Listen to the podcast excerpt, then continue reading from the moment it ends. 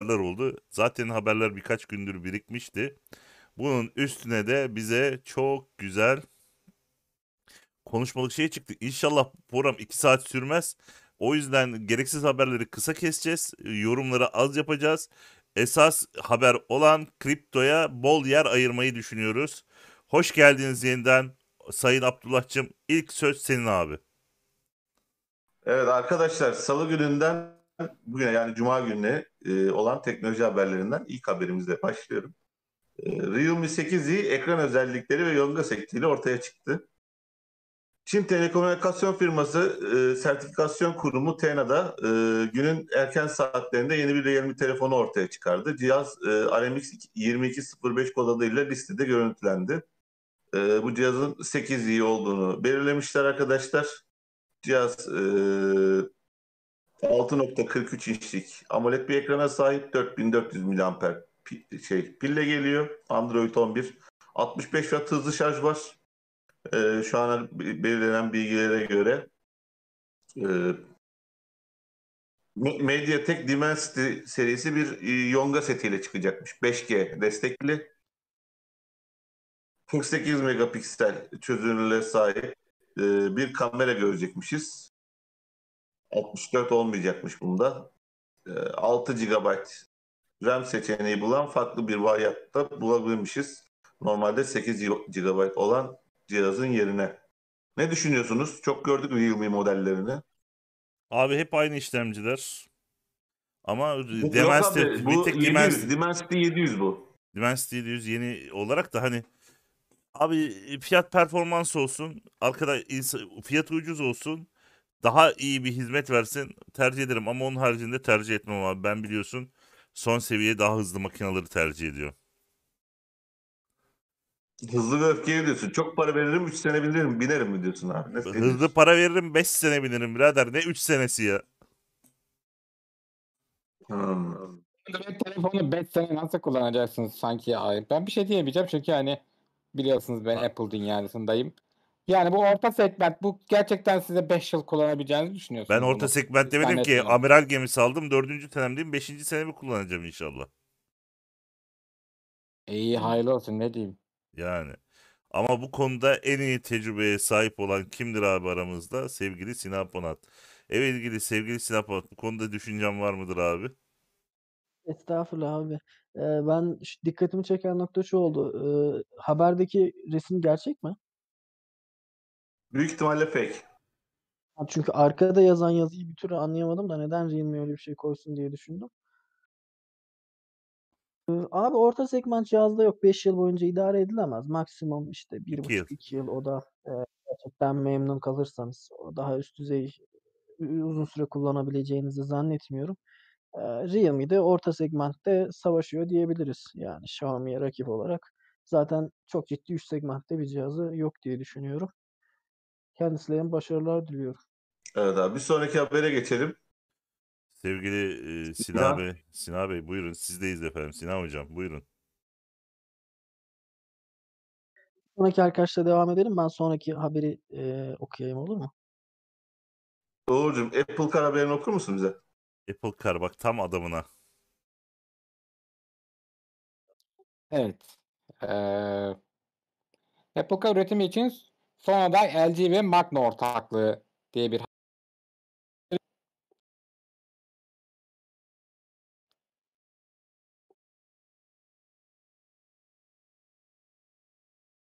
Çok sa pardon, çok özür dilerim. Eee, evet, Apple Car belki de son yılların en çok beklenen teknoloji ürünlerinden ki doğru. Hakkındaki söylenti 2005 yılında başladığı aracın dedikoduları geçtiğimiz senelerde Apple'ın araç konusunda çekimser olduğu ve bunun yerine araç yazılımlar gibi ürünlere odaklanmak isteyeceği gerekçesiyle neredeyse sonlanmıştı. Ancak geçtiğimiz sene bu söylentiler yeniden gündemi meşgul etmeye başladı. Öyle ki son aylarda Apple'ın olası otomobili için birçok üreticinin isminin geçtiğine şahit olduk. Dahası Volkswagen ve Toyota gibi sektörlerin önüne gelen isimlerinin yöneticilerinden araç hakkındaki görüşlerini bile duyduk. Tüm bunlara rağmen Apple Car konusunda hiçbir şey henüz kesinlik kazanmış değil. Fakat bugün Apple'ın otomobilin muhtemel üreticisinin kim olacağı hakkında gelen haberler önceki söylentilere göre çok daha gerçekçi gözükmekte. İşte Apple Car üretiminin son adayları.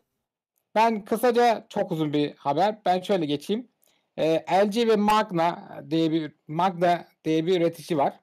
Bu daha çok bu Land Rover gibi araçları üreten, e, Volkswagen gruba da araç üreten Kanadalı bir şirket. LG ile e, iki yıl önce ya da ge- geçen yıl bir ortak şirket kuruyorlar. E, şirketin adı da şey, elektronik araçlar üretim için kuruyorlar bunun. LG, Magna ile birlikte hemen bir hızlıca bulayım. Magna International. LG Magna e-Powertrain diye bir şirket kuruyorlar. Magna International, LG'nin ortak bir şirketi bu.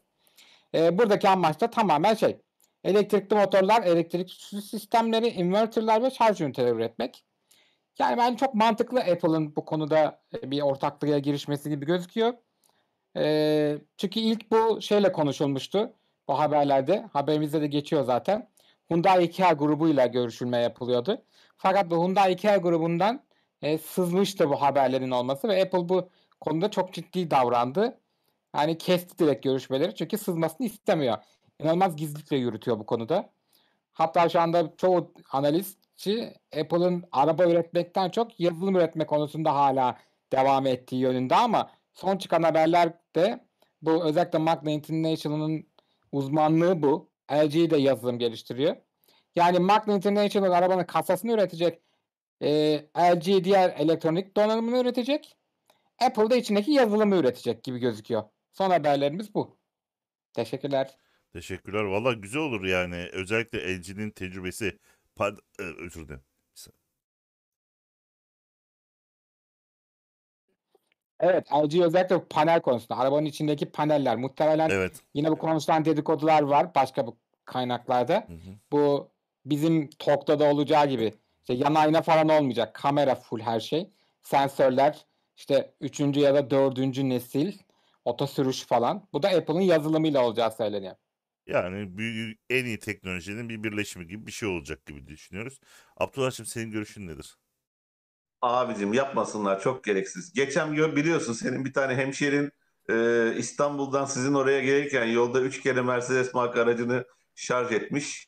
Ondan sonra toplam 4,5 saat şarj yapmış. Zaten yolun tamamı 5 saat. Üzerine de 5 saat yol koyunca 5 saatlik yolu 9,5 saatte gelmiş. Yani ki bu bir Mercedes. Bilmiyorum Apple'dan ne beklemek lazım. Ben çok bir beklenti içerisinde değilim. Abi o konuyu ben de biliyorum. Ee, neden dersen yani ben dedim gel geçer gün ama iyi ki gelmiyor. Şimdi nerede şarj edeceğiz? Arabanın şarjı bitse yolda kalacak. E iyi ki gelmemiş diyorum abi. Yani ben ismi süre o kadar süre yolda bekleyemem. Biz dedik hani bu konuyu konuşmuştuk elektronik araçlar konusunda kendi aramızda mı yoksa şeyde mi konuştuk? Kendi aramızda konuştuk. Kendi aramızda konuştuğumuzda demiştik hani bu şey, Evet. şey taşınabilir Özel piller yayın yaptık bununla Tabii alakalı. onunla özel yayın yaptık. Dediğimiz gibi değiştirilebil pil olmadıktan sonra 300 kilometrenin üzerindeki yollar eziyettir abi. Abi şöyle yapsın bence. Ya da Apple. sürekli şarj. Apple şöyle yapsın. Tesla'dan alsın arabayı üstüne bir elma şeyi vursun. 10 bin dolar da para koysun üzerine herkes alır. Hele bir de kırmızını yapıp 15 bin dolar koyarsın üzerine onu daha çok millet bayılarak alır. Böylece hem Apple'da para kazanır olur. Hem de alanın da kafası rahat olur abi. Aynen aynı şeyi düşünüyoruz abi. Evet abi bir sonraki habere geçelim isterseniz. Abi istersen ben hemen başlayayım. Buyur abi. Rekabet Kurumu Google'a 296 milyon lira idari para cezası kesmiş. Ee, Rekabet Kurumu Google hakkında genel arama hizmetleri pazarındaki hakim konumunu kötüye kullandığı gerekçesiyle başlattığı soruşturmada kararı açıklamış. Buna göre de Google'a toplamda 296 milyon lira idari para cezası vermişiz. Peki e, sebepçinin sebebin ne olduğuna baktığımız zaman da e, arama motoru devi olan Google'ın sonuçlarda rakiplerini dışlamakla e, suçlandığını görüyoruz. Arama ve konaklama fiyatı sorgularında Google'ın kendi hizmetlerini bu alanlarda hizmet veren diğer şirketlerin daha önüne çıkardığı tespit edilmiş. Dolayısıyla da Rekabet Kurulu'nun e, 4054 sayılı e, kanunla aykırı olmasından dolayı e, bizden taraf bir e, ceza kesilmiş. Abi çok iyi olmuş. Kessinler. Esasında ama rakam çok düşük olmuş. Yani bu 296 Rakam düşük olmuş canım. En az Bir- 500 milyon lira kesmeleri lazım. 1 milyar dolar kessin. 1 milyar lira kessinler abi. Do- Dolara vurduğun zaman ne yapıyor bu yani? Bir 100 bin Bunu merak ettim. Ödüyorlar mı bu paraları? Ödüyor mecbur. Ama Hizmet vermeye devam etmek ödüyorlar. istiyorsa ödüyor. İndirimli ödüyorlar çünkü Avrupa Birliği de yine aynı bu konu yüzünden 3 milyar euro bir ceza kesmişti. Ama orada tabii Avrupa Birliği büyük bir topluluk neticede. Yani bu konuda ödedi seve seve Google. Bu konuda Google açıklama yapmış. Haberde bahsedilmiyor ama yani biz kanunlara saygılıyız. Bu konuda hakim şeyimiz kullanmıyoruz. Temize gideceğiz diye. Otelcilerin kafasını attırmış Google. Çünkü par- parasını veren otelcinin otelini yukarıda çıkarıyormuş. Para vermeyeninkini altta çıkarıyormuş. Öyle olunca otelciler kızmış. Vermişler Ama adamın mahkemeye. işi bu gibi bir şey yani bu. Abi yani hep bu diyor, olaylar var. satıyorum diyor. ortak hizmettir abi. Sina'nın yazı yaptığı yazılımlar yüzünden oluyor bu arkadaşım. Sina'dan kaynaklanıyor. Siz Google Mogul değil. Sina'ya kesin cezayı. Şimdi şöyle düşün. E, Ya Uğurcuğum, yalan yanlış sen- şey o yapıyor. Sina Vodafone'lu, sen de Vodafone'lusun. Ee, sen ama atıyorum 100 lira fatura ödüyorsun. Sina 50 lira fatura ödüyor. Ben aradığımda sana ulaşıyorum ama Sina'ya arada bir ulaşabiliyorum falan gibi. Sina Öyle zaten düşün. açmıyor ki telefonları arada bir ulaşalım diyorsun yani. Bak ulaşımla alakalı temel ihtiyaçlarda sıkıntı yok ama bu dediğin örnek benzer şeyler var. İşte Prime olursan, işte bilmem ne olursan, işte Turkcell'deki Platinum olursan bazı hizmetlerden öncelikli yararlanıyorsun ve bunu açık açık söylüyor sana. Ama konuşma hizmetinden değil. Orada herkes eşit. Parasını Evet. ödediği kadar. Evet. konuşma hizmetinden değil evet doğru. Herkese ulaşılabiliyor Burada olması arama lazım. hizmetinden yararlanamadığını belirtiyor Google. Bence bu da haksız e, bir rekabete giriyor açıkçası. Fakat Abdullah Bey'in de belirttiği için Tabii ki de. gibi e, fiyat çok düşük ya. Me- Mesela haberde de yazıyordu az önce gördüm. E, Fransa Google'a 1.1 milyar e, lira ceza Düşün ki kesti. Google'a giriyorsun. E, Sheraton Otel Kuşadası giriyorsun mesela tamam mı? Ama önden e, başka oteller çıkartıyor Koş Kuşadası'nda. Çünkü Kuşadası'nda o oteller e, para vermiş ama aradığın otel vermemiş. Öyle düşün yani. Ya bas bas paraları Leyla'ya. Sheraton- E, spesifik yani Kuşadası Sheraton diye arıyorsan gidip başka otelden tekrardan şey yapmazsın ya gider Sheraton'da şey yaparsın yani. Önce sana reklamları gösteriyor kardeş. Ondan sonra oteli Aynen. gösteriyor. Ondan sonra. Bak örneğin ben hiçbir zaman Kuşadası boş servisinin şeyini bulamadım. Bir sürü boş servisi reklamı buluyorum. Tamam mı? Ama hiçbir zaman Kuşadası boş servisinin numarasını bulamıyorum. Onu da aracı telefon hani misal e, şey aldım e, ürünleri aldığım mağazaya arıyorum da oradan bu şun servisinin numarasını alabiliyorum misal. Ondan ben de şikayetçiyim. Bir şey arıyorsun. Yani 10 tane ilk sayfada atıyorum şey gösteriyorsa bunun 9,5 tanesi reklam. Ya Abi reklam da sen onu zaten. bırak. İlk 5 sayfada buluyorum eskiden. Eskiden Alta Vista vardı. Aradığında şak diye bulurdun ya. Nerede o Alta Vista günleri ya? Abim Alta Vista'yı kim hatırlasın? Yapma gözünü seveyim ya. Ben bile bilmiyorum yani. Alta Vista'yı biliyorum ne olduğunu da. Hiçbir zaman kullanmadım Ben Vista'yı Search'u yani. kullandım ya. Sen ne diyorsun? Süperdi. Abi bir sonraki habere Yahoo'yu geçelim kullandık mi? tabii ki de yani. Ya, isabet. Geçelim mi bir sonraki habere? En Sina sıkı- bilmez bak Yahoo'yu falan. Geç geç Özgür geç. E, hacklenen LinkedIn hesapları 7000 dolardan satışa çıktı. Şimdi Cyber News'in yakın zamanda paylaştığı rapora göre 500 milyon e, LinkedIn kullanıcısının hesapları forumlarda satışa çıktı. LinkedIn'de hackleri iddia edilen kişi 2 dolara 2 milyon kişinin hesabını örnek yapıp paylaştı. Ayrıca yaptığı açıklamada bu bilgileri parça parça satacağını duyurdu. Daha fazla LinkedIn hesabı olabilir mi diyorlar. Bahsi geçen forumun bir başka kullanıcısı ise 500 milyon daha, daha fazla kişinin bilgilerin sızdırdığını açıkladı. Ayrıca 827 milyon kullanıcının hesabını 7000 dolardan satışa çıkaracağını duyurdu. Ancak bu değer LinkedIn kullanıcının sayısı 740 milyon kişi aştı. Bu nedenle bu verilerin içinde eski ve silinen kullanıcının verilerinin de olduğu tahmin ediliyor diyor. Bilgisayar korsanları tarafından bu verileri 7 ayrı gruba ayırdı.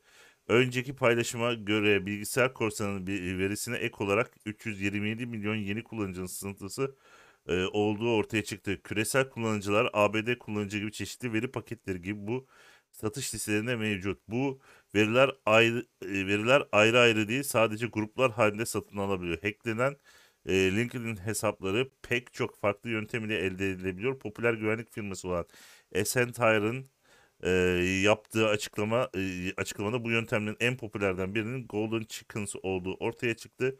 Bu yöntemde bilgisayar konusunda LinkedIn profillerinin bilgilere göre sahte iş teklifi yolluyorlar. Bağlantının kurulmasının ardından bunu diğer bağlantılara da uygulayıp zincirleme bir şekilde verileri çalıyorlarmış. Haydi bakalım. Geçmiş olsun diyelim. Artık verilerimiz satılıyor. Ay satınlar verimiz mi kaldı yani şu üzerine hack üzerine hack üzerine hack üzerine yani her yeri çaldılar. Clubhouse'un verileri gitti bilmem ne gitti. Öf, aman artık yoruldum ben de yoruldum. LinkedIn'e de zaten verme ev adresini bilmem ne ya abicim. Özel şey bu iş bulma şeyi. Git şey yap sadece bir mail yeter. Çok Ee, abi, ama Murat bu konuda e, Murat bu konuda biliyorsunuz tecrübeli. Ee, çok çalınmış arkadaşımın bütün verileri. Arkadaş ne yapmış? Bütün verileri değiştirmiş. Adres değiştirmiş, evi değiştirmiş, telefonu değiştirmiş, kimliği değiştirmiş. Her şey sıfırdan yapmış abi. O yüzden kartlar dahi yeni sıfır alınmış olduğu için Murat bu konuda şanslı abi. Biz değiliz. Peki ben bir şey sorabilir miyim size değerli arkadaşlar? Şimdi e, üçünüzün de bir hacker olduğunu düşünelim. Sina Polat da uluslararası, e, uluslararası bir firmanın CEO'su. Hı. Ve LinkedIn hesabı. Şimdi siz Sina Polat'ın LinkedIn hesabını çalıp ne yapabilirsiniz? Bana bir söyleyebilir misiniz? Çok Abi, basit. bütün- Senin bir sürü bilgine sahip olacağımız için telefon dolandırıcılığı yapabiliriz. Bir. ikincisi senin çalıştığın firmalara fiyat verip e, onlarla veya onların verdiği fiyatları öğrenebiliriz. Onları da ekleyip. Ondan sonra sana Öğrenemez. tabii sana verilen Aynen örne- onu bırak senin verdiğin siparişlere Onu gitmemesini öğrenemez. sağ bak sadece masada konuşulur Özgür abi. abi Ya da şirket Apple- masalarında geçer yani öyle Apple- oturup da bir Apple- yerden Abi bak abi, şey değil. e-posta- e-postalar var ha. abi e-postalarına dahil olmak üzere her şey gelir abi daha sonra. Çünkü sana bir tane Şimdi bak, spyware atacak. şunu kabul Spyware'le her ediyorum. şeyi göreceksin. Bilgisayardan yaptığı bütün yazışmaları göreceksin. Bu yapılıyor abi Şimdi benim bak abi, arkadaşa. eğer Bak şifrelerimizi Abi yani kişiyi hedef alıyorsan LinkedIn'i zaten şey yapmana gerek yok yani o konumuzla alakalı değil. Abi LinkedIn'e gerek yok ki. İki hafta önce yemek sepetinden zaten adresimizi, telefonumuzu çaldılar. Hadi önceden canım. diyelim ki çalmadılar. Hadi. Önceden çalmadılar diyelim. Ya LinkedIn'den neyimizi çalacaklar? Ha, şuna sonuna kadar bir veri güvenlikçi olarak katılıyorum. Eğer şifreyi de çaldırdıysak muhakkak ki bunun önlemini almak zorundayız. Senin dediğin gibi. Oradaki şifreyle e-postamızın şifresi aynıysa e, birçok şey yapabilirler ama abi onun Muhtemelen de aynıdır. ya? Muhtemelen de aynıdır. Ya ben LinkedIn'de hafta sonu gittiğim mangalın resmini atan adam görüyorum ya. Böyle saçma şey olur mu abicim? Sosyal ağ platformu değil bu. Özel iş bulma bilmem ne ya da e, network platformu. Sen onu niye böyle WhatsApp gibi ne bileyim bir şey gibi İşte ne, kullanıyorsun? kadar, ne kadar umudu yoksa belki de mangal seven biri beni işe alır demiştir adam. Belki de. Belki de. ah ah mangal kadar da- özledik lan. Ya birlikte. o biyolarını doldurmaya ay evet ya hiç anmayalım dur neyse gece gece. Şey o zaten bu biyolarını doldurmayı seven böyle bir böyle bir şey kitle var Türkiye'de. Bayılıyor böyle. Her bu şeyi yazıyor o biyoya. Abicim ne gerek var? Ne gerek var? Yani bir cep telefonunu bile verme. Benim biyomda yok cep telefonum. Bana ulaşmak isteyen oradaki mailden ulaşsın. LinkedIn'den de ulaşan görmedim hayatım boyunca. O ayrı mesele. Evet. LinkedIn'i kapatalım burada abi. Xperia'nın yeni modelleriyle Abdullah'a e, kulak verelim. Anlat bize Abdullah. Abi. Ne var bu telefonlarda? Şimdi sevgili izleyicilerimizden Murat Burç'u biraz kudurtacağım ama bu Sony'nin bu cihazları bizi hiç ilgilendirmiyor. Türkiye'ye gelmiyor. Gelse bile IMEI ücretlerinden dolayı alamıyoruz ya da IMEI'yi de atamıyoruz bunlara. Onun için sıkıntılı cihazlar abi bu. Şimdi haberin içeriğine geçelim arkadaşlar. Sony Xperia 1.3 ve So- Sony Xperia 5.3 modelleri tanıtıldı. Hmm, Japonya merkezli teknoloji üreticisi Sony, amiral gemisi yeni telefonları Xperia 1.3 ve Xperia 5.3 modellerini duyurdu. Şirketin yeni akıllı telefonları tasarımı ve özellikleriyle oldukça dikkat çekiyor. Sony e, yeni akıllı telefonlarını geliştirirken yine kamerayı ana odak noktası kabul etmiş ve bu nedenle cihazları dünyanın doğal DP sensöre sahip değişken telefoto lensli ilk akıllı telefonları olarak tanımlıyor. Burada bir nokta. Zaten hızlı Burada bir nokta. Ha. Değişken foto lensi diye bir şey yok abi. Üçün o lensler var ya çekerken bir lensten diğer lense atlatma. Değişken değil. Anlatabiliyor muyum? Yani sen orada e, bir, şey, bir örneğini gördük içi sıvılı böyle ondan değil yani uç uçkulu değil. ya normal değişken foto lensi dediğin zaman lensin şeyi çevrilir. Değişken foto lensi o olur. Bu değişken lensli. Devam edelim abi. Bu şey atlayan lensli birinden birini atlıyor. Evet. Tamam. Zaten hı- hızlı ve doğ- doğru olan Sony'nin otomatik odaklama teknolojisi yeni modellerinde daha da iyileştirilmiş durumda. Ee, Sony Xperia 1.3 modeli 6.5 inç büyüklüğünde OLED bir ekranla geliyor. 120 Hz yenileme hızına vaat eden bu telefon ee, 1644 çarpı 3840 piksel çözünürlük kalitesi sunuyor. Snapdragon 888'i tabii tahmin edebileceğiniz gibi 888 ee, 12 GB RAM, 256 GB depolama ile geliyormuş. 4550 4500 mAh pili varmış. 30 Watt şarj edilebiliyormuş. Ön kamerası 8 megapiksellik bir kamera kullanan Sony. Ya Sony, Lenovo bile 44 megapiksellik lens koydu. Hayır sen onu bırak. Batarya ne ya? 4500 ne ya?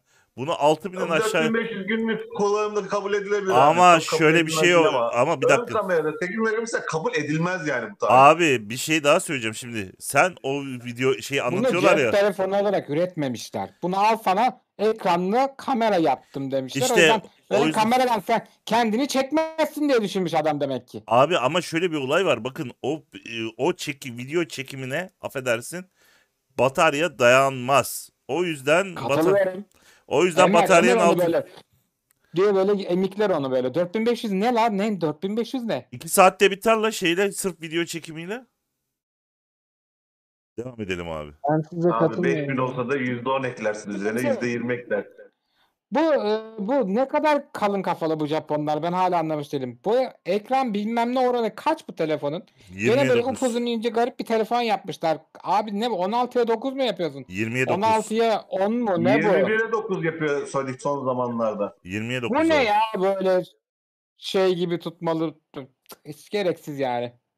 Şekli de Neyse. bence hiç güzel değil. Yani tamamen bu şey kişisel bir görüş tabii de ayrı mesele de. Ama Murat burada olsaydı e, böyle ağzı böyle yanardı böyle. O çok güzel telefon böyle. Ağzından bal damlardı böyle. Telefon harikaymış. Tam benim şeyi en işte bu en güzel telefon bu üretilmiş en mükemmel telefon falan diye. Ama ya ama şimdi be almış böyle kameranın birini koymuş. şimdi Muratçım bir demiş şey bakın. Bakın Murat abi, Muratçım demiş ki telefona laf yok piyasanın kralı demiş. Evet devam et abi sende sıra. piyasada Ya olmayan kadar olabilir abi. Neyse. Bey, Sony Xperia 5 3 modeli 6.1 inç büyüklüğünde bu iyice ufal, ufalıyor arkadaşlar. Full HD 120 Hz e, hızına sahip ve OLED bir ekranla geliyormuş. E, 8 GB ve 128 GB'lık depolama alanı yine 4500 mAh 30 Watt hızlı şarj ile geliyormuş. Ön kamera yine 8 megapikselmiş. Arka tarafında 12 megapiksel ile karşılıyormuş.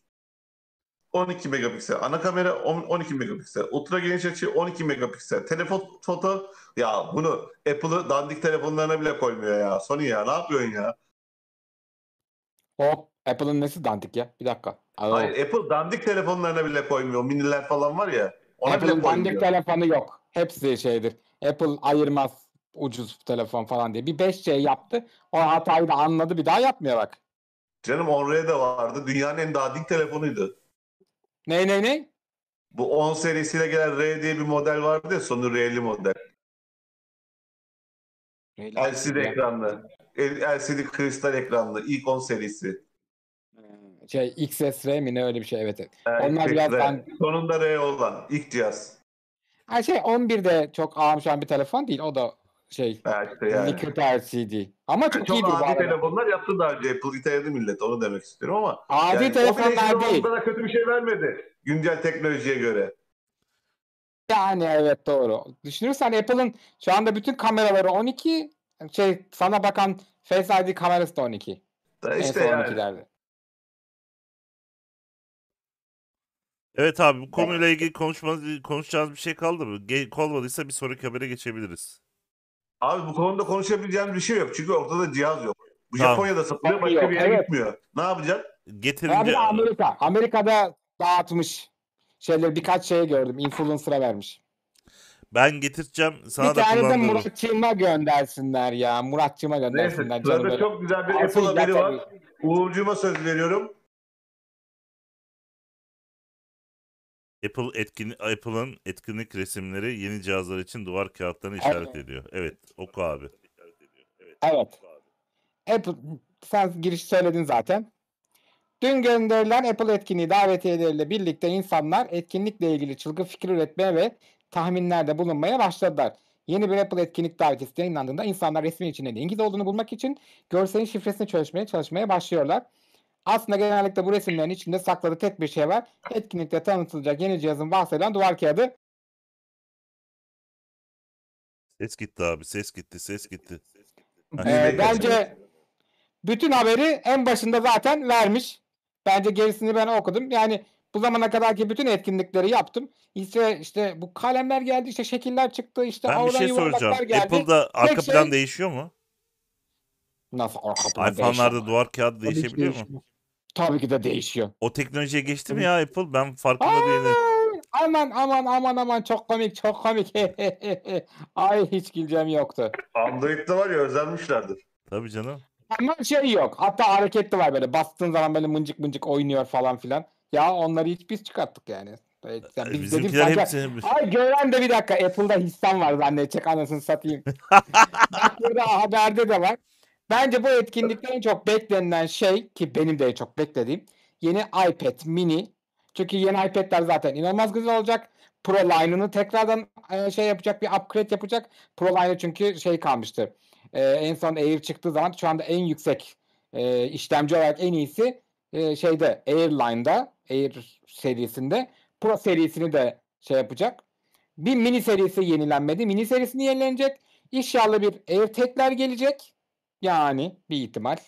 Bunu neden getirmiyor hala bilmiyoruz. Çünkü 14.5 kullananlar, beta kullananlar benim gibi. Orada AirTag'lere karşı şeyler var. e, göndermeler. Bakalım onlar gelecek.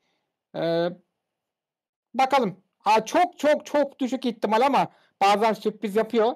Hani bu eee Muratçım'ın dediğiyle böyle dandik iPhone'lar var ya işte XR XR gibi arada çıkarttı SE gibi. Evet. Ona benzer bu SE'nin yeni modeli upgrade edilmiş hali çıkacağına Evet. dair söylenti var ama bence çıkmaz. Şimdi Bir de- Onurcuğum oraya bir netlik getirelim. Ben neden dandik diyorum? Güncel tek mesela Apple 12'de ekran anlamında ba- bana göre dandik. Neden? Herkes 120 Hz'lik ekran koyuyor. Adamlar hala 60 Hz'de geziyorlar. Bu Yani da onu öyle. ben Yani de sen anlamış şimdi değilim. sene olmuş 2021. Herkes 108 megapiksellik kamera koyuyor. Sen dalga geçer gibi iki tane 12 megapiksellik kamera koyuyorsun. Şimdi bu dandiklik de nedir ya? Şimdi ama Ee, bak gerek yok diyor adam. Ne yapsın diyor. 100, Yapıyor. 100x diyor şey yapacak, zoom yapacak diyor. Ne yapacak 100x zoom yapacaksın? Ne yapacaksın? Sapıklık dışında ne işine yarayacak? Bir de havaalanında tabelaları okumak dışında. Hayır 108 megapiksel.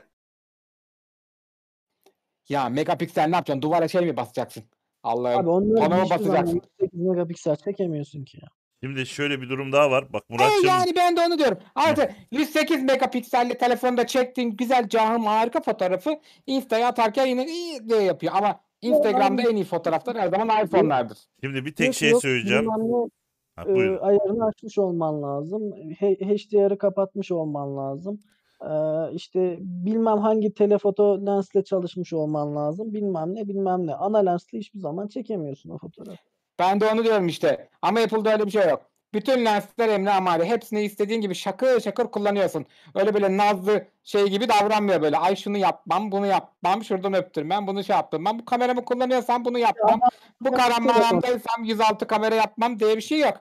Adam diyor sana gel yavrum diyor. Ben her şeyim açık diyor. Hepsini mıncıklayabilirsin diyor. Bütün kameralarım Tamam açık diyor şimdi yani. abi ben sana tek bir şey Kullan söylüyorum. Abi bakın. Adam demiş yeni mini gelmez bir kere. Bunu beceremezler demiş. Sonra demiş A12Z A4'ten daha iyi bir işlemcidir.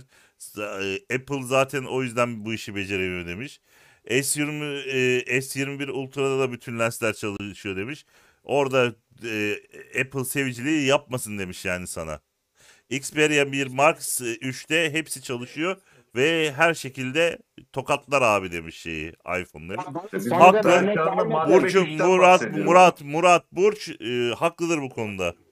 Son olarak Pro'daki sonra Pro'daki A2 12Z Air'deki Air 4'teki A14'ten daha güçlü bir işlemcidir. Daha iyi performans veriyor demiş ve çok doğru söylemiş abi ve bu konuyu burada Power kapatalım. konusu. Ha bir dakika. Power consumption konusunda evet daha güçlü bir işlemci. Ama netice itibariyle 7 nanometrede o. 5 nanometrede değil. Muhtemelen A14Z ya da A14X çıkacak ve o 5 nanometrede olacak. Ve çok çok daha güçlü olacak. Yani Pro'lar bildiğin bilgisayarları tokatlıyor. Çünkü adamlar diyor zaten your next computer is not a computer diyor. Yani yeni gelecekteki yeni bilgisayarım bir bilgisayar olmayacak diyor. Tablet Ya olacak. Abi, Böyle dedikleri boş ver. zaman alkışladın mı? İtiraf et. Böyle dedikleri zaman Anlamadım. alkışladın mı? Aa, ne alakası var ama seviyorum yani adamın yeni şeyleri getirmesini. Ee, bu Ki- ke- bir kesin kere- alkışladı. Kesin kesin. Bir dakika bak. Kutusu kutusu açılan yeni Mac'in kokusu. Böyle aldın o telefonu aldı böyle mıncır mıncır elinde böyle böyle yağ gibi kayması böyle incik böyle mis gibi koklamanın tadına varamazsınız siz yani. Evet. Lütfen Bir lütfen. dakika. Evet yeni hadi. Mac kokusu değil mum var biliyor musunuz? Yakınca yeni Mac kokusu veriyor ortama. İyi Ciddi tamam. söylüyorum şaka yapmıyorum. Çok beğendiğini anlıyoruz. Bir sonraki habere geçiyoruz abi. Boş ver Apple'ı ya. Hemen geçelim. Arkadaşlar ülkemizin e, kıymetli girişimlerinden birisi olan Blue TV bu hafta bizler için e, ücretsiz olacakmış. E, 16, 17 ve 18 Nisan tarihi için e, evde kalmamızın şerefine bizlere e, ücretsiz bir e, seçenek sunacaklar. E, yayınladıkları Twitter'da e, yayınladıkları tweette şöyle diyorlar. Artan vaka sayılarıyla birlikte sağlığımız için gelen yeni kısıtlamalarda keyfinizi yerine getirebilmek için 16, 17, 18 Nisan'da kapımız herkese açık diyor. Arkanıza yaslanın ve 10.000 saatten fazla içeriğin tadını ücretsiz çıkarın. Keyifli seyirler. Buradan hemen hızlıca haberi tamamlayayım. Üzerine konuşalım. Eee, Ekstra olarak da bir şifre tanımlamışlar. Blue TV izliyorum şifresiyle sisteme giriş yapabilecekmişiz. 18 Nisan saat 00.00'da eee, sona erecekmiş. Herkese keyifli seyirler diliyoruz. Tahminimce bu hafta sonu muhtemelen ben de bu kampanyadan yararlanırım diye düşünüyorum. Sizler ne düşünüyorsunuz? Peki benim gibi parasını vermiş üye olmuş insanların günahı ne? He? He? Burada suç ben, ben ne oluyorum şimdi? Sen para mı Peki verdin parasını şimdi? veren eşek olmuyor mu şimdi? Çok özür dilerim. Abi sen vermişsin oldu? bana bir, bir yıllık bedava verdi Vodafone ya. Hediye. Altı üstü 3 gün veriyor. Niye kıskanıyorsun ya? Biz insan değil miyiz? Ben yıllık o kadar para bayılmışım almışım. Bak orada bedava geliyor. Sen orada diyorsun 3 gün bedava bilmem ne yaptım. Bu arada içerikleri çok güzel. HBO içerikleri. Türk içeriklerini izlemedim ama HBO içerikleri var. Şiddetle tavsiye ederim. Hani gerçi reklam almış gibi olmayalım da ben beğeniyorum. TV diyelim ki yılda 20 gün eee, ücretsiz yayın açıyor. Sana 20 günlük ücreti iade etse mutlu olur muydun? Evet olurum kesinlikle. Param O değerli zaman- çünkü zor kazan. Eee, bunu Twitter'a yazalım. Eee, kıymetli Blue TV eee, yöneticileri muhtemelen 20 günlük ücreti hediye etmekten eee, geri duracaklarını zannetmiyorum. Bence çok keyifli de bir son kullanıcı deneyimi olur. Evet çok iyi de kapak. Bu olur. yayından Kapak sonra kapak kapak Hashtag gönderin. açacağım ya. Yanına da bir tane kapak gönderin arkadaşa. Şak kafaya taksın. A- Amazon bir kere abi bu konuda e, çok e, müşteri topladı. Zaten Netflix'in e, oturmuş bir müş- müşterisi var. Gitmiyor. E, Blue TV nasıl müşteri kazanacak? Gelin bir izleyin, deneyin de. Beğenirseniz kalırsınız. Bence bu. Netflix'in Alınacak müşterisi şey yok. gidiyor. Ben gittim mesela 55 lira olunca. Ya insanlık dışı ya 40 liradan nasıl 55 yaparsın yani şey dedim yani. Üh dedim yani bu nedir dedim. Evet. Allah sizin dedim şey izlemiyorum lan dedim. Kapattım üyeliğimi. Ben de ben de kapattım Netflix'i. Gerek yok dedim yani. Ben, gerek ben var? hiç almamıştım zaten. İnternet sitelerinden kaçak gidiyordum. Ben diyorum gerekirse. Evet abi bir sonraki haber bende galiba. Bir sonraki haber o okuyalım hemen. Yine bana gıcık bir haber geldi. Oradan Aha. torrentçi sesi duydum sanki. Bir torrentçi şeyleri geldi böyle. Yine bir Apple haberi daha. FBI iPhone'u nasıl hacklediği ortaya çıktı.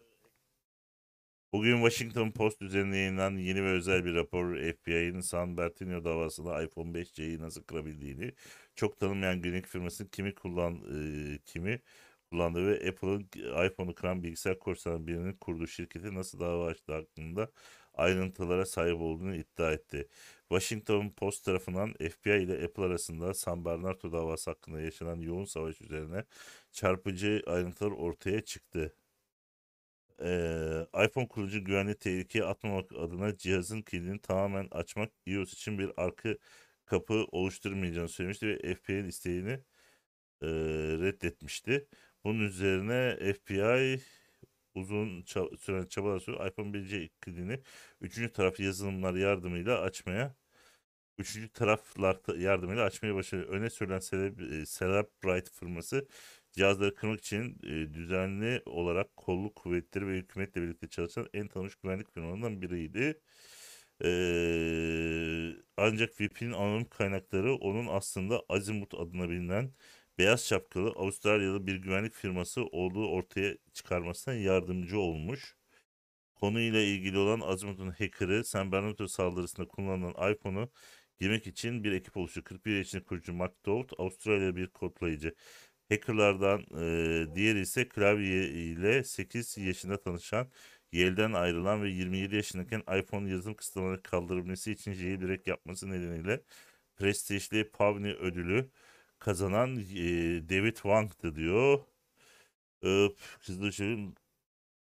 Ee, iPhone 5'e etki sa- sağlamak zordu. Çünkü Apple 10 yanlış şifre denemesinden sonra cihazın içindeki verileri silen yeni iOS özelliğini tanıtmıştı ve şifreyi kırmanın tek yolu bu özelliğin etrafından dolaşmaktı. Bunun üzerine Azimuth Lightning bağlantı noktasını güvenlik açığına, açığıyla bağ, başlayan bir istismar zinciri keşfetti. Bakıyorum abi. Çok fazla şey e, e, çok- şey Özel bilgi kullanmışlar. Açıklama var mı? Özel bilgi vermişler. Evet bunu herkes anlayamaz abi. Hani ben bunu Ben bu abi. yani anlayacağınız bu bir şekilde kırılıyor ve bunu da keşfetmişler. Adamlar O dönem ve kırmışlar abi. Başka hiçbir şey Yani ben kısaca bahsedeyim mi anlattığımı? Burada bir terörist vardı. Terörist de öldürüldükten sonra telefon iPhone 5C kullanıyordu ve parmak izi şey sensörü vardı ve diyordu ki işte yapamıyorsun, geçemiyorsun. Pardon şifre vardı özür dilerim. Parmak izi yoktu o telefonda. Ondan sonra Şifre Apple'a vardı. gitti. Evet. FBI Apple'a gitti. Dedi ki hayır açmam ben dedi kesinlikle. Çünkü sana arka kapı verirsen başka şeyler için kullanabilirsin dedi. Kesinlikle reddetti. Sonra bu işte başka bir firma buldular. Ve biz açtık gerek yok dediler ama hiçbir zaman açıklanmamıştı. Burada açıklanan verilere göre diyor ki bu normalde işlemciye bağlı. Sen yine bu cins bir özelliktir. İşte sen taktığın zaman mesela orijinal kablo değilse desteklemiyorsa falan çip bazında işlemci bazında kontrol eder der ki bu kabloyu ben desteklemiyorum. Bak bunu kullanamazsın. Ben şarj etmiyorum. Veri transferi yapmıyorum der. Apple'da onaylı olmayan kablolarda. İşte bu burada bir küçük bir açık keşfetmiş bir tane bu hacker. Bu iPhone'ları hackleme için kullanılan jailbreak yazılımcıları yapan eee bu da white hacker demiş. White hat. Yani beyaz şapkalı hacker demiş. Şu anda güvenlik yazılım yapan, kullanan bir adam. Ve de bu tür şeyleri yapan bir adam. Burada eee, tabii ki de benzer bazı alt yazılımlar kullanılıyor iPhone altyapısında, iOS'ta da. Bu direkt bu şeyi aşarak bu kısıtlamadan buradaki kabloda küçük bir açık yani bu kablonun işlemciye bağlanan bu yazılımında bir açık keşfedip direkt işlemciye ulaşmışlar. İşlemci üzerinden bu şey işlemciyi bypass oradaki bir şeyleri yapmışlar işte kırmışlar bypass yapmışlar ve de bu e, şifreyi tekrar tekrar deneme opsiyonunu bir şekilde suspend etmişler. Yani telefon 100 bin defa deniyor ama farkında değil arkada. İşlemci bunu anlayamıyor. Burayı karıştırmışlar. Muhtemelen DDoS saldırısı gibi bir şey yapmışlar arkada. Ondan sonra şey yapmış işte 900 bin defa deneyerek şifreyi bulmuş varyasyonlarını. Normalde bunu deneyemezsin. 10 defa denersen içindeki tüm verileri siler. Tabii eğer açıksa ki şeyde orijinalinde otomatik olarak açıktır zaten gelir default olarak. Sen istersen kapatabilirsin. yani zor işler bu işler. Bayağı uğraşmışlar ya. Ben o kadar uğraştım yani. söylemek lazım. Benim e, şahsi fikrim e, yaklaşık 3-4 yıl önce bir verdiğim veri güvenliği e, seminerinde şundan bahsetmiştik. Arkadaşlar kullandığınız parolar e, yaklaşık olarak 8 haneden uzun olursa kırılması toplamda 43 yıl sürüyor. Yani bu tarz e, yazılımlar kullanarak hani burada demiş ya 900 bin defa denemiş. Bir yazılım 900 bin kere bütün varsyon, va- e, varyasyonları deniyor. İşte kaç güne denk gelirse. Fakat iyi bir şifre koyarsanız bu yaklaşık olarak e, hem numara işte hem karakter o bu e, 43 yıl e, süreceğini hesaplamıştık o dönemde toplamda. E, şifrenizi iyi koy- koyun. E, akıl akıldan üstündür. Ben her zaman bunu söylerim. Çünkü e, baktığınız zaman işte Apple'ın kurucusu her kim olursa olsun e, Sinan Polat da bir yazılım geliştirebilir. Uğur Asma da geliştirebilir. Abdullah Kesmenoğlu da geliştirebilir. Fakat özgür kaynak benden bir tık daha bir şeylerin farkındaysa gelip benim yazılımımı çökertip üzerine yeni bir yazılım yazabilir ve içerisine girebilir. Bunların hepsi kul yapımı, insan yapımı. Dünya üzerinde kırılamayacak, hacklenemeyecek hiçbir şey yoktur. Güvenliğini biz sağlamalıyız diyebilirim. İnsanlar bile hacklenebilirken. Tabii İnsanlar ya, Steve Wozniak çıktı dedi ki getirin bana cihazı biliyorsunuz Apple'ın eski e, ortağı getirin ben açarım falan filan. Ya isteyen istediği gibi e, açabilir çünkü e, akıl akıldan üstündür. Bunun başka e, bir Tabii. yolu bu konuda desteklemiyorum yani. Eee, hatırlarsanız bir bu geçtiğimiz ay içerisinde Türkiye Cumhuriyeti de bir açıklama yaptı. Biz zaten Apple cihazları kırabiliyoruz. Siz kendinizi ne sanıyorsunuz falan filan gibisinden bir açıklama vardı. Bilmiyorum denk geldiniz mi? O yüzden bizler dikkatli olmalıyız. Yapacak başka hiçbir şey yok. Ağda dahil hiçbir ağın arkasında saklanarak bir şeyler karıştırmayın. Bulunursunuz. Ee, Amerika devleti bunu yaptı. Yeter ki değsin. Sizi yakalamak değiyorsa sizi girdiğiniz her delikte bulurlar. Hiçbir şey sizi koruyamaz. Az önce veri çalınmadan bahsettik işte. Bir yerde şifreniz aynıysa ve diğer bütün şifreleriniz buna benzer ya da aynıysa bittiniz abicim işte abi veri madenciliği bu. Diyorsun ya LinkedIn verilerim ne işe yarar? İşte bunların hepsini birleştirip senin bir profilini oluşturur. Ve der ki bu adam potansiyel olarak şu şifreleri koruyor. Senin yazılımına yazar diyor ya 43 yıl. Ama sen bu dersen ki şu şu şu veriler üzerinden bu şifreyi arat diye. O 43 yıl sürmez işte onu bulması. En fazla 1 saat 2 saat sürer. Abi şimdi GPU hızlandırması falan kullanıyorlar. Kat kat daha hızlı bir şekilde çözüyorlar artık. Yani o 43 Adam yıllar sıvı oldu. nitrojen döküyor ya. Bak Ha. o şeyler ismini söyle neydi onu da birkaç saate döndü. Birkaç saate düştü. E, bir- nitrojen falan Bu hesaplamalar sıfır ama bak hiçbir veri bilgisi yok. Hiçbir şey yok. Hiçbir ipucu yokken sıfırdan deniyor 43 yıl sürüyor ama sen diyorsun işte adam mesela yazmış bir yerlere en sevdiğim renk mavi işte çoluğumun çocuğumun şeyi bu işte cep telefon numaram bu işte adım bu anasının kızlık soyadı bu bilmem ne. İşte diyor ki işte herkes diyor çoğunlukla işte şunu kullanır bunu kullanır işte LinkedIn'deki şifresini kırdın ha potansiyel bu. Bunu veriyorsun bunun varyasyonlarını dene diyorsun. Çat diye sana bir iki Evet. saniyede çıkartıyor. Birden 8'e Çünkü kadar bakıyor zaten. İlk onu giriyor. Zaten Evet, doğru. kuantum bilgisayarlar yapıyor Abdullah Kesmenoğlu'nun dediği gibi. Öyle sıradan cihazlarla bunları yapamazsınız. Fakat e, senin dediğin nokta da çok doğru. E, ayak izi dediğimiz bir nokta var. E, işte bilmiyorum bunu anlatmak ne kadar doğru. Bir gün e, bir canlı yayında e, kıymetli bir yayıncı abimize birisi hakaret etmişti. Çok kafaya taktım o gün. E, oturdum yaklaşık bir 24 saat kadar üzerine uğraştım. Adamın ev adresinden cep telefon numarasına kadar işte ortakları kimdir, odur budur. E, Bütün bilgileri yayıncıya yollamıştım. E, o da dedi ki ya Sena dedi kurban olayım yapacak bir şey yok dedim. Gidip bu adamla mı uğraşacağız? ya bırak dedi. Uğraşma dedi. Senin dediğin gibi yani Açmalıydı. Dava açmalıydı. İşte uğraşmazsan böyle bir şey. Yani olmaz. gerçekten buluna, bulunabiliyor bazı şeyler. he işte oraya işte Kral Hacker 67 alt lira 94 yazınca kurtulmuyorsun. Senin böyle her şeyini İşte- bulurlar yani. İşte o yüzden bulunmaması için bir sonraki hab- bir sonraki habere geçmemiz gerekiyor. Bu konuda bu konudaki en önemli olay bir sonraki haber. Evet. Oppo, Oppo haberimiz var arkadaşlar. Oppo A35 resmi olarak duyurulmuş. Yeni Oppo A35 alt orta, orta segment hedefleyen fiyat performans yani Oppo ile fiyat performans pek oturmuyor birbirine bende kafada da odaklı bir telefon olarak karşımıza çıkıyor. Cihazın teknik özelliklerine gelecek olursak Op- Oppo A15'e oldukça benzer özelliklere sahip olduğunu söyleyebiliriz. Görünüşe göre telefon depolama alanı haricinde yeniden adlandırılan bir Oppo A15'tir diyor demiş haber. Oppo A35 6,52 inç HD Plus 60 Hz'lik bir e, hıza sahip IPS LCD bir ekranla geliyor. Sene olmuş 2021 60 Hz IPS LCD ekran görmek istemiyoruz. Cihazın ekranı 20 bölü 9 ekran en boy ayarına sahip damla çentikli selfie kamerasıyla geliyor. 177 gram. Me- Oppo Media Helio P35 yonga setinden gücünü alıyor. 4 GB RAM, 128 GB depolamayla geliyormuş. Güzel tarafı şu ki micro USB ve 3.5 mm girişleri bu var. Ee, arka tarafında üçlü kamera dizilimiyle geliyor. Cihazın ana kamerası 13 megapiksel çözünürlüklü bak. Bu orta alt segment bile 13 megapikselle geliyor. Sony yeni cihaz çıkartıyor 12 megapiksel kamera koyuyor arkadaşlar bak bakın. Ve geçen senenin cihazı bu. Yani adını değiştirmişler yeniden satıyorlar. Ee, F Bence iki 2018'in cihazı yani. f2.2 diyafram aralığına sahip. Ee, Bu ana kameraya f2.4 diyafram aralığında sahip bir makro kamera ile bir başka 2 megapiksellik e, kamera e, şey yapıyormuş, eşlik ediyormuş. O 2 megapiksellik kamera değil de sensör gibi kullanılıyordur o cihazda. Ee, bununla birlikte cihazda 8 megapiksel çözünürlüklü f2 diyafram aralarına sahip selfie kamera bulunmakta.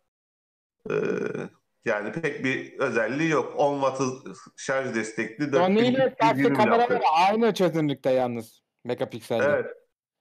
Evet. 4320 miliamper 10 watt şarj destekliymiş cihaz. İşte düşünün. Ee, globalde 120 dolar ama. Yani Ha, Türk parasına evet. vuracak olursanız 1000 lira yapıyor. 1050 lira yapıyor. Al yaşlıya ver, al bebeğe ver diye adam tempo Al Murat yani bu Burç'a ver ya? abi. Murat Burç'a ver bunu. Oppo de. dedim. Oppo'yu sever o. Yani bu Oppo kendini niş firma olarak e, işte bu Evet Emre haklısın. Android'in Apple olarak nitelendiriyor da hiç beceremiyor gerçekten ya. Bu bu nedir abicim bu? Bu alt gi- girişin girişi segment gibi bir şey. Welcome to the 2018 yani bu ne be? Mikro mikro USB mi kaldı? 3.5 mm jack girişi mi kaldı? Halo P35 he hadi yani çok da kötü bir işlemci sayılmaz da yani. Evet bir üretiliyor sonraki habere geçelim abi. Boş ver bu haberi. Bir sonraki haber en seveceğimiz haber. Aydoğan yazmış. Oo. Şaşırdık mı? Hayır tabii ki de. Ben ilk e, fiyatı söyleyeyim istersen sen haber okumadan önce. Geçen yılki fiyatı 92 liraydı abi. Buyur haberi kısaca bir anlat. Evet abi sendeyiz. Yok ya. Sayın Asma. Sayın Asma sizdeyiz. Aa, bende miydi? Pardon pardon bir dakika ben haberi açmam lazım. Bende değil diye sıra. Sen de canım en son en son şey okumadın mı işte Abdullah Abdullah'tan sonra sıra sendeydi.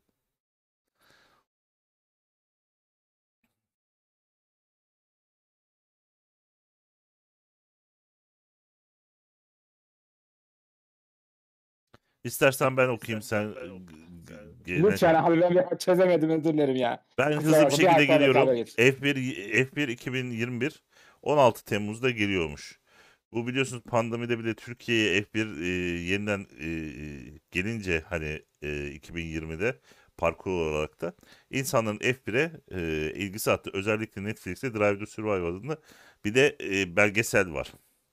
Şimdi e, bunun e, ön siparişi açıldı. %10 e, şey, EE satın, normal sürümü 420, delik sürümü ise 477 liradan satışa sunuldu. Ama şöyle bir sorun var. Bu ürünün geçen yılki fiyatı 92 liraydı. Bir önceki sürümü. Yani %300'e yakın bir zamla bu şey geldi. Neydi onun adı? Hani kurdaki dalgalanmaları falan bile bile hesap etsen %300 gibi bir zamla Türkiye'ye de satışa sunuldu. Ben affedersin 400 lira bir oyuna vermek taraftarı değilim. 100 liraya kadar oyuna para verilir abi. 100 liradan sonrası işkencedir diyorum. Buyurun Belki abi. süper süper süper gerçekçi yapmışlardır. Eskisi versiyonu da Ya gerçek şimdi değil. F 2020 güzel oyun. Tamam mı? Güzel oyun yani. Bu da onun üzerine koyacaktır bir şeyler illaki. Ama 400 lira çok fazla ya. Araba taksiti gibi bu ne?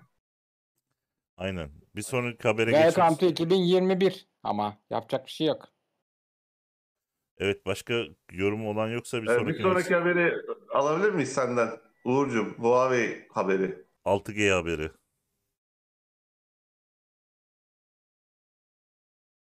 Evet Uğur'dan ses yok. Aa, şey sen git. Heh, Evet, bu bas konuşa alışamadım özür dilerim. Heh. Evet Huawei e, 2030 yıllarında 6G'ye geçiş için hazırlıklarına başlamış. Yonhap haber, ajansına göre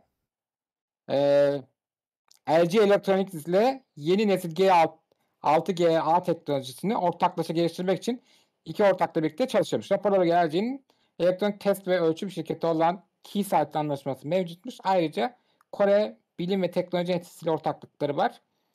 E, bu haberleri kim yazıyor böyle ya? Ay, ne kadar zormuş bunları takip edip okumak. Barış'ın haberleri zor abi. Google Translate. ya. Google Translate. Yani kısaca özetlemek kısaca özetlemek okumuştum haberi. Ben size kısaca özetleyeyim.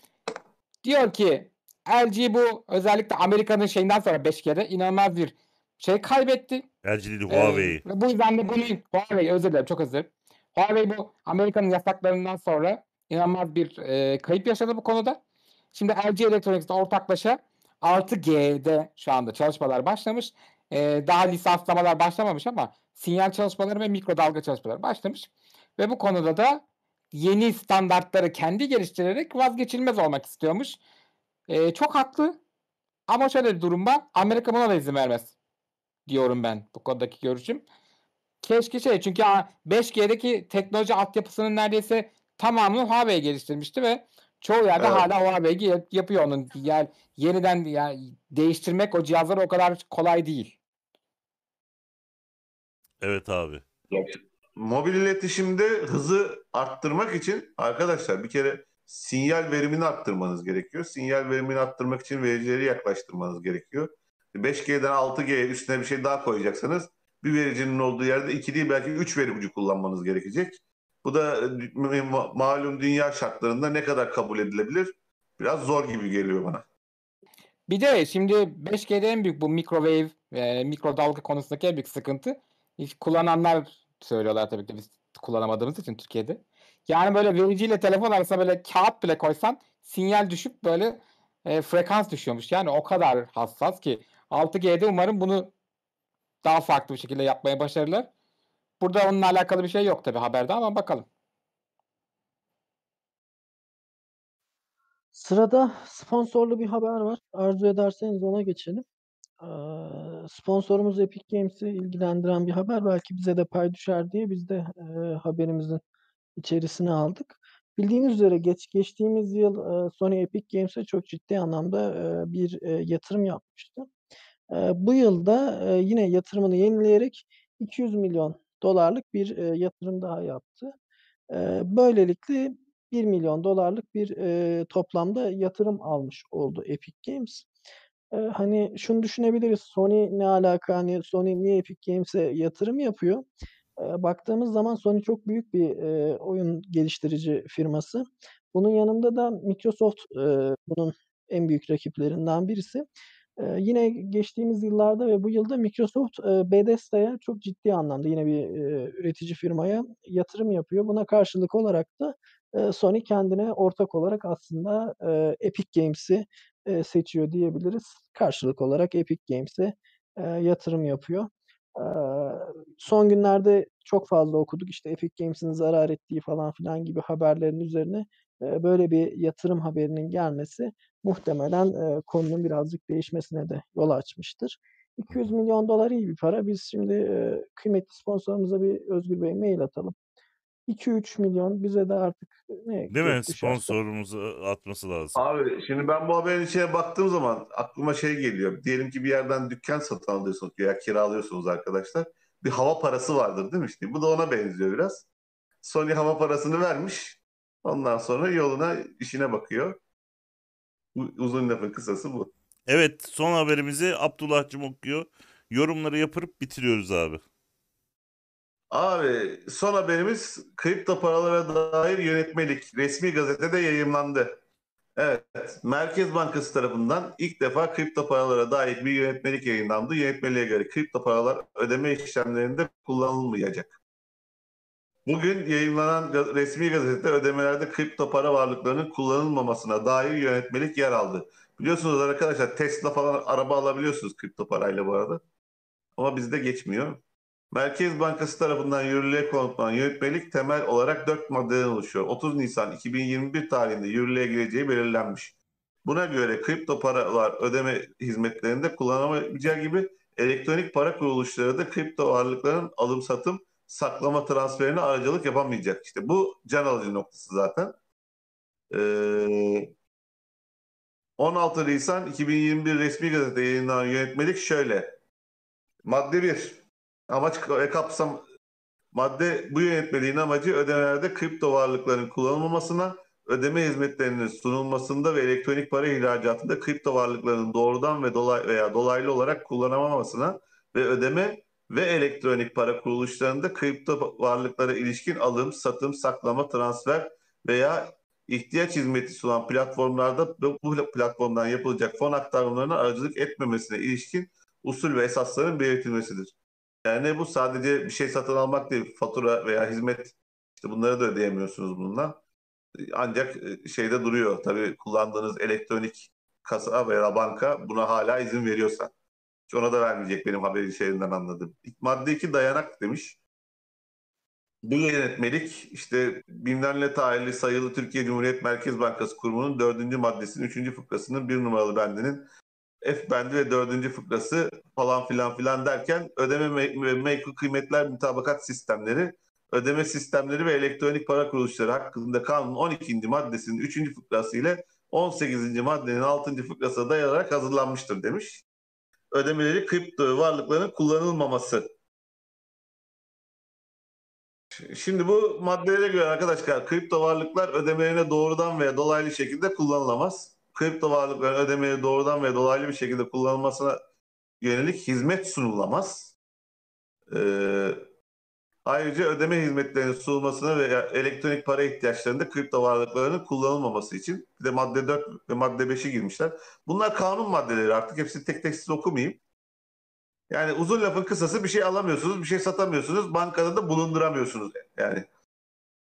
Ancak yurt dışı kaynak bankaları kullanabileceksiniz. Abi Eyvallah. benim benim anladığımı söyleyeyim mi abi? Şimdi büyük bir ihtimal Türkiye'deki insanlar abi yatırımlarını kripto paraya ge- geçirdiler. Çok büyük bir insan güruhu diyorum. Çünkü insanlar yani ben bir sürü kişi tanıyorum. Bu kripto borsalarda alıp satma yaparak aylık e, maaşlarını buradan çıkarmaya başlar. Çünkü iş yok. İş olmayınca buradan bir şekilde bu insanlar bunu para kazanmayı öğrendiler. Ve bu parayı getirip harcamalarında kullanıyorlar. Hani oradan yaptıkları 3-5 bin lira, 5 bin lira, 10 bin lira ne? Ve insanlar bütün yatırımları burada olunca bankalarda para kalmadı abi. Bankalarda para kalmayınca abi ne yapacaklar? Ayın 30'una kadar getirin. Getirmezseniz bir daha hiçbir şey yapamayacağınız göstergesi oldu bu bana göre yani. Çünkü benim de o param olsa yanlış anlamayın şu an kripto para kullanırdım. Bu bir yatırım tavsiyesi değildir. Hani ben kendim kişi olarak diyorum ya da dolar euroya basar bir yerde yani evimde bir yerde saklarım. Şu an korkuyorum ben çünkü ismini söyleyeyim para konusunda. 3 kuruş zaten param var olsa bile hani yok da olsa bile korkardım yani şu an. Büyük bir ihtimal insanlar kripto para kullanıyor diye yurt dışında paraları diye insanlar ülkeye getirsin diye yapılan bir e, acil durum planı gibi geldi bana. Evet beyler yorumlarınız. İşe yarar mı? Yarayacak. Belli bir oranda yarayacak. Çoğu insan korkuyor. Bugün bile bu haberden sonra çoğu küçük yatırımcı bana böyle bizim çalıştığım yerde ya nasıl yapacağız yapalım işte çekelim paraları bilmem ne yapalım diye korktu insanlar. Çünkü şey yani diyorsun ki kullanamazsın. Zaten kimse kullanmıyordu. Yani kim Bitcoin gibi acayip değerli bir şeyle gidip bir şey satın alır ki? Ödediğin para atıyorum bir Bitcoin. Tamamen farazi konuşuyorum. Bir Bitcoin ödüyorsun. O arabayı alıyorsun. Bir ay sonra o arabanın değeri birdenbire bir buçuk Bitcoin'e için yanar be. Yani külçe altınla bir şey alıyormuşsun gibi düşün. Değeri sürekli artan bir şey. O yüzden o şey geç. Tamam bunu buradaki açıklamayı ben bu arada şey basın açıklamasını da okudum. Burada basın açıklamasında haberde yer verilmemiş ama Merkez Bankası demiş ki bu konuda işte takip edilemediği merkeziyetsizlik olduğu için ve işlemler geri alınamaz. Takip edilemediği ve işlemler geri alınamadığı için hesaplarının ele geçirilmesi görece daha kolay. Bu Tabii. doğru. Doğru. Çok soyulan Yani oldu. mesela biri senin hesabını geçirebilir. Borsayı adam borsa kurdun diyelim. Adam işletti 5-6 yıl çok güzel para kazandı. Sonra dedi ki ben baktım dedi çıktı. Senin bütün kripto paranı borsada. Geri alamazsın. Hepsi adamın hesabına ve bunları farklı soğuk cüzdanlara, dijital olmayan hesaplara aktarılabilir ve hepsini de kullanır. Senin paranın senin olduğunu kanıtlayan bir şey yok. Gerçekte böyle bir para yok. Neticede bu bir sistem. Ve diyor ki işte suç örgütleri bunu kullanıyor ki bu bilinen bir şey. Suç örgütleri tamamen artık dijital paraya kaydı. Fiziksel şey para kullanılmıyor uzun zamandır. E, bunun takibi için diyor ama bizim Türkiye'deki şeyin tabii ki bu kadar masumane ve bizi koruma amaçlı olduğunu düşünmüyorum. Özgür abi o konuda katılıyorum. Ama e, buradaki olay şu. E, kısaca şey yaparsam. Al, bir şeyi alıp satmada kullanamazsın. Bu bir. Yani bununla bir ürün, giyim, bilmem ne hiçbir şey alamazsın. Bitti. Doğal olarak bunu satamazsın. Zaten alacak yani kimse satamazsa alacak bir şey bulamazsın. Bunda şey çünkü yasa. En önemlisi bence bu kripto borsalarına para attığımız işte Papara, Inial gibi sistemler bu işlemler için kullanılamaz. Bitti. Mortingen Sonra- Strasse. Aynen kesinlikle. Yani bu araçta kullanılamayacak. Abi o firmalar da Banka. bitti. Para pa- papara bilmem ne gibi firmalar da bitti. Buradan Yok komisyon başka işlemler için kullanılır. ama burada ama şey var. burada buradan epey para kazanıyordu bu adamlar. Neredeyse sırf bunun için kullanıyor insanlar. Yani kaç kişi paparayı sadece hani bankacılık işlemlerinde kullanıyor ki? Yapmasın gözünü seveyim. Yani insanlar bu iş için kullandığı için Papara iyi bir komisyon kazanıyordu. Karlı bir kuruluş haline geçmeye başlamıştı. Şey var bak bu TL e, Türk yapımı şey var. E, dijital e, dijital lira pay mi öyle bir şey mi? Digi, digi para pay mi ne böyle bir şeydi. Ödeme yöntemi şey geliştiriyordu adamlar. Türk şirketiydi bu. Adam Twitter'da açıklaması var. Biz yeni ortaklık otel ödemesiyle alakalı şey yayınlayacaktık bir şey var. Adam battı bitti şirket kapatıp gidecek yani. Sonra e, 1 lira diye bir şey var. Türk kripto parası mesela. Bu ne olacak? E bu da battı. Sen bu şeyle hem mesela şimdi e, seyahatlerde de çok uygun bir yöntem bu arada. Güvenlikli bir şey. Telefonunu kaybetmediği ya da fiziksel kart olarak kullanılmadığı için başkası da kullanamadığı için çoğu turistin falan kullandığı bir yöntemdi. E bunu da kullanamayacaksın. Yabancı yatırımcı mesela işte bütün dünyada bu e, Abdullah çok daha iyi açıklayacaktır birazdan konudan bahsedince. Mesela bu gümrük işlerinde bu şeylerde dolar ya da bu şey para kullanımlarının sıkıntılı olduğunu hem de Amerika'yı çok güçlendirdiği için başka ortak paralar kullanalım uluslararası ticarette kavramları var. İşte bu gümrük limanlarda şunda bundaki geçişleri hızlandırmak için bu arada. Şimdi bunu yapamayacaksın sen. Çünkü bununla alakalı mal ürün satışını yasakladın. Bitti. Abdullah o konuda söz vermek istiyorum. Yani e, söz Valla devretmek dolar istiyorum. her yerde geçiyor. Bir tek Japonlar hiç sevmiyorlar doları. Biraz çeşitli sorun çıkartıyorlar. Hani ben Türk'üm falan turistim muristim dersen e, alıyorlar da genelde doları bozmak bile istemiyor döviz büroları. Ama onun haricinde dünyanın her yerinde dolar geçiyor. Bir sorun yok. Onu demiyorum. Şu gümrük işlerinde falan bu işte transferleri Gümrüklerini sıkıntı az olduğu için dolarla veriyorsun merak etme. Herkes dolar alıyor. büyük şeylerde şeye dijital paraya geçelim. Amerika'yı bu gücünden edelim muhabbeti var. Onu diyorum. Ya şimdi doların Dünya Markası, Ma- Merkez Bankası'nda bir karşılığı yok. Bizim paramızın var. Dünyanın bütün ülkenin parasının hemen hemen e, altın, değerli maden işte gibi şeylerle bir karşılığı var. Dünya Merkez Bankası'nda ama doların yok. E, o yüzden dolar zaten her zaman sakat olduğu bilinen bir paradır ama kullanılmaya devam ediyor. Amerika'da gücünü bu şekilde kullanıyor. E, ne olur euro kullanırsın. Ee, Ama bence şey çok para, büyük kayıp elektronik oldu. para çok farklı bir şey. Elektronik paranın da aynı şekilde dolar gibi bir karşılığı yok. Yok tamamen dijital bir de. Tamamen dijital.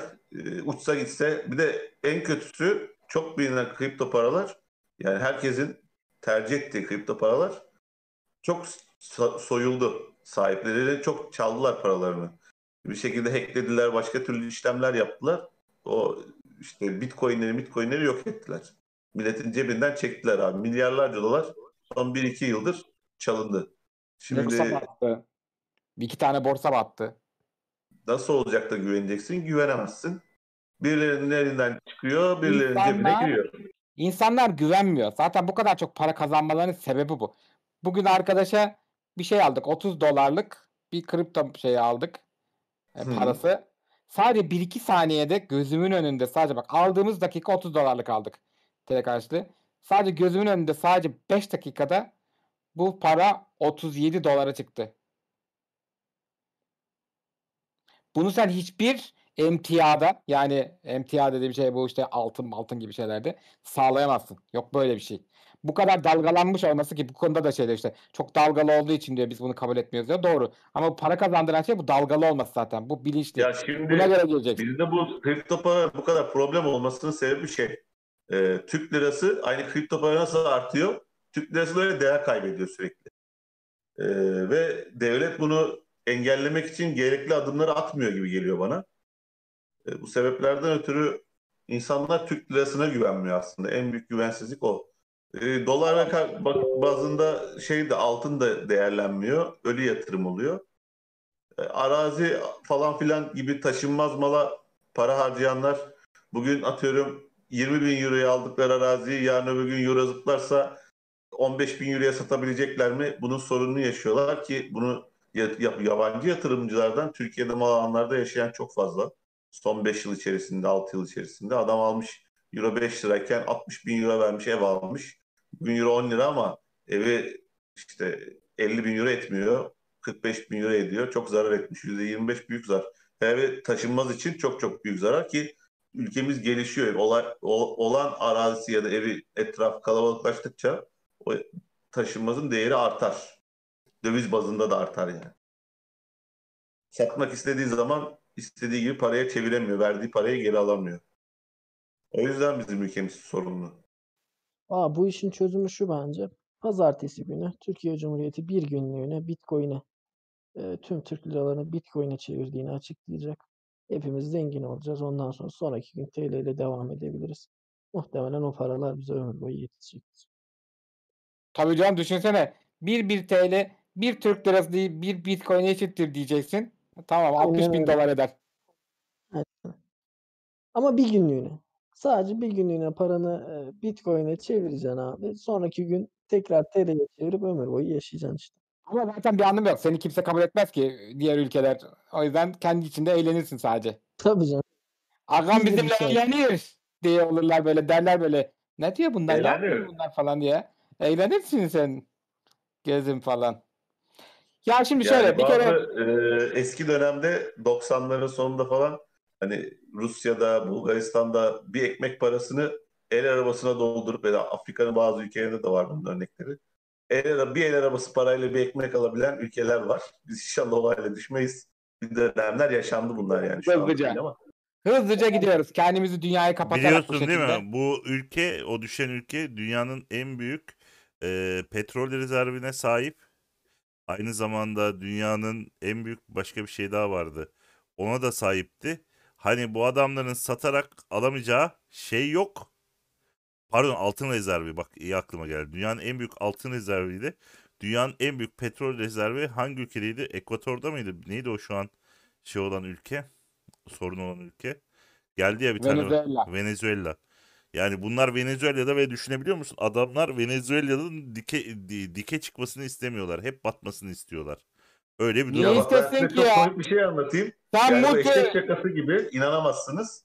Hindistan'dan Endonezya'ya gittik gemiyle bir, se- bir sefer. Ee, Hindistan'ın para birimi rupi, e, Endonezya'nın para birimi de Endonezya rupi. Fakat e, şey gibi düşünün, rupi bizim şu anki paramız gibi, gibi düşünün. Endonezya rupisini de eski Türk lirası gibi düşünün tamam mı? Arkasında altı sıfır var.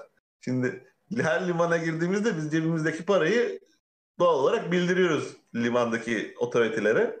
E ben de Endonezya rupiyi yazdım girdim. Tabii çok arkasında sı- şey var sıfır var paranın. E, bu liman başkanlığında liman başkanı bu rupi diye okumuş. Gemiye bizi ziyarete geldi. Boss dedi elimi sıktı falan filan böyle. Hoş geldiniz ülkemize falan. Adam karşılama yaptı. benim unutamayacağım anlardan bir tanesidir. Geldi yanlış okumuş.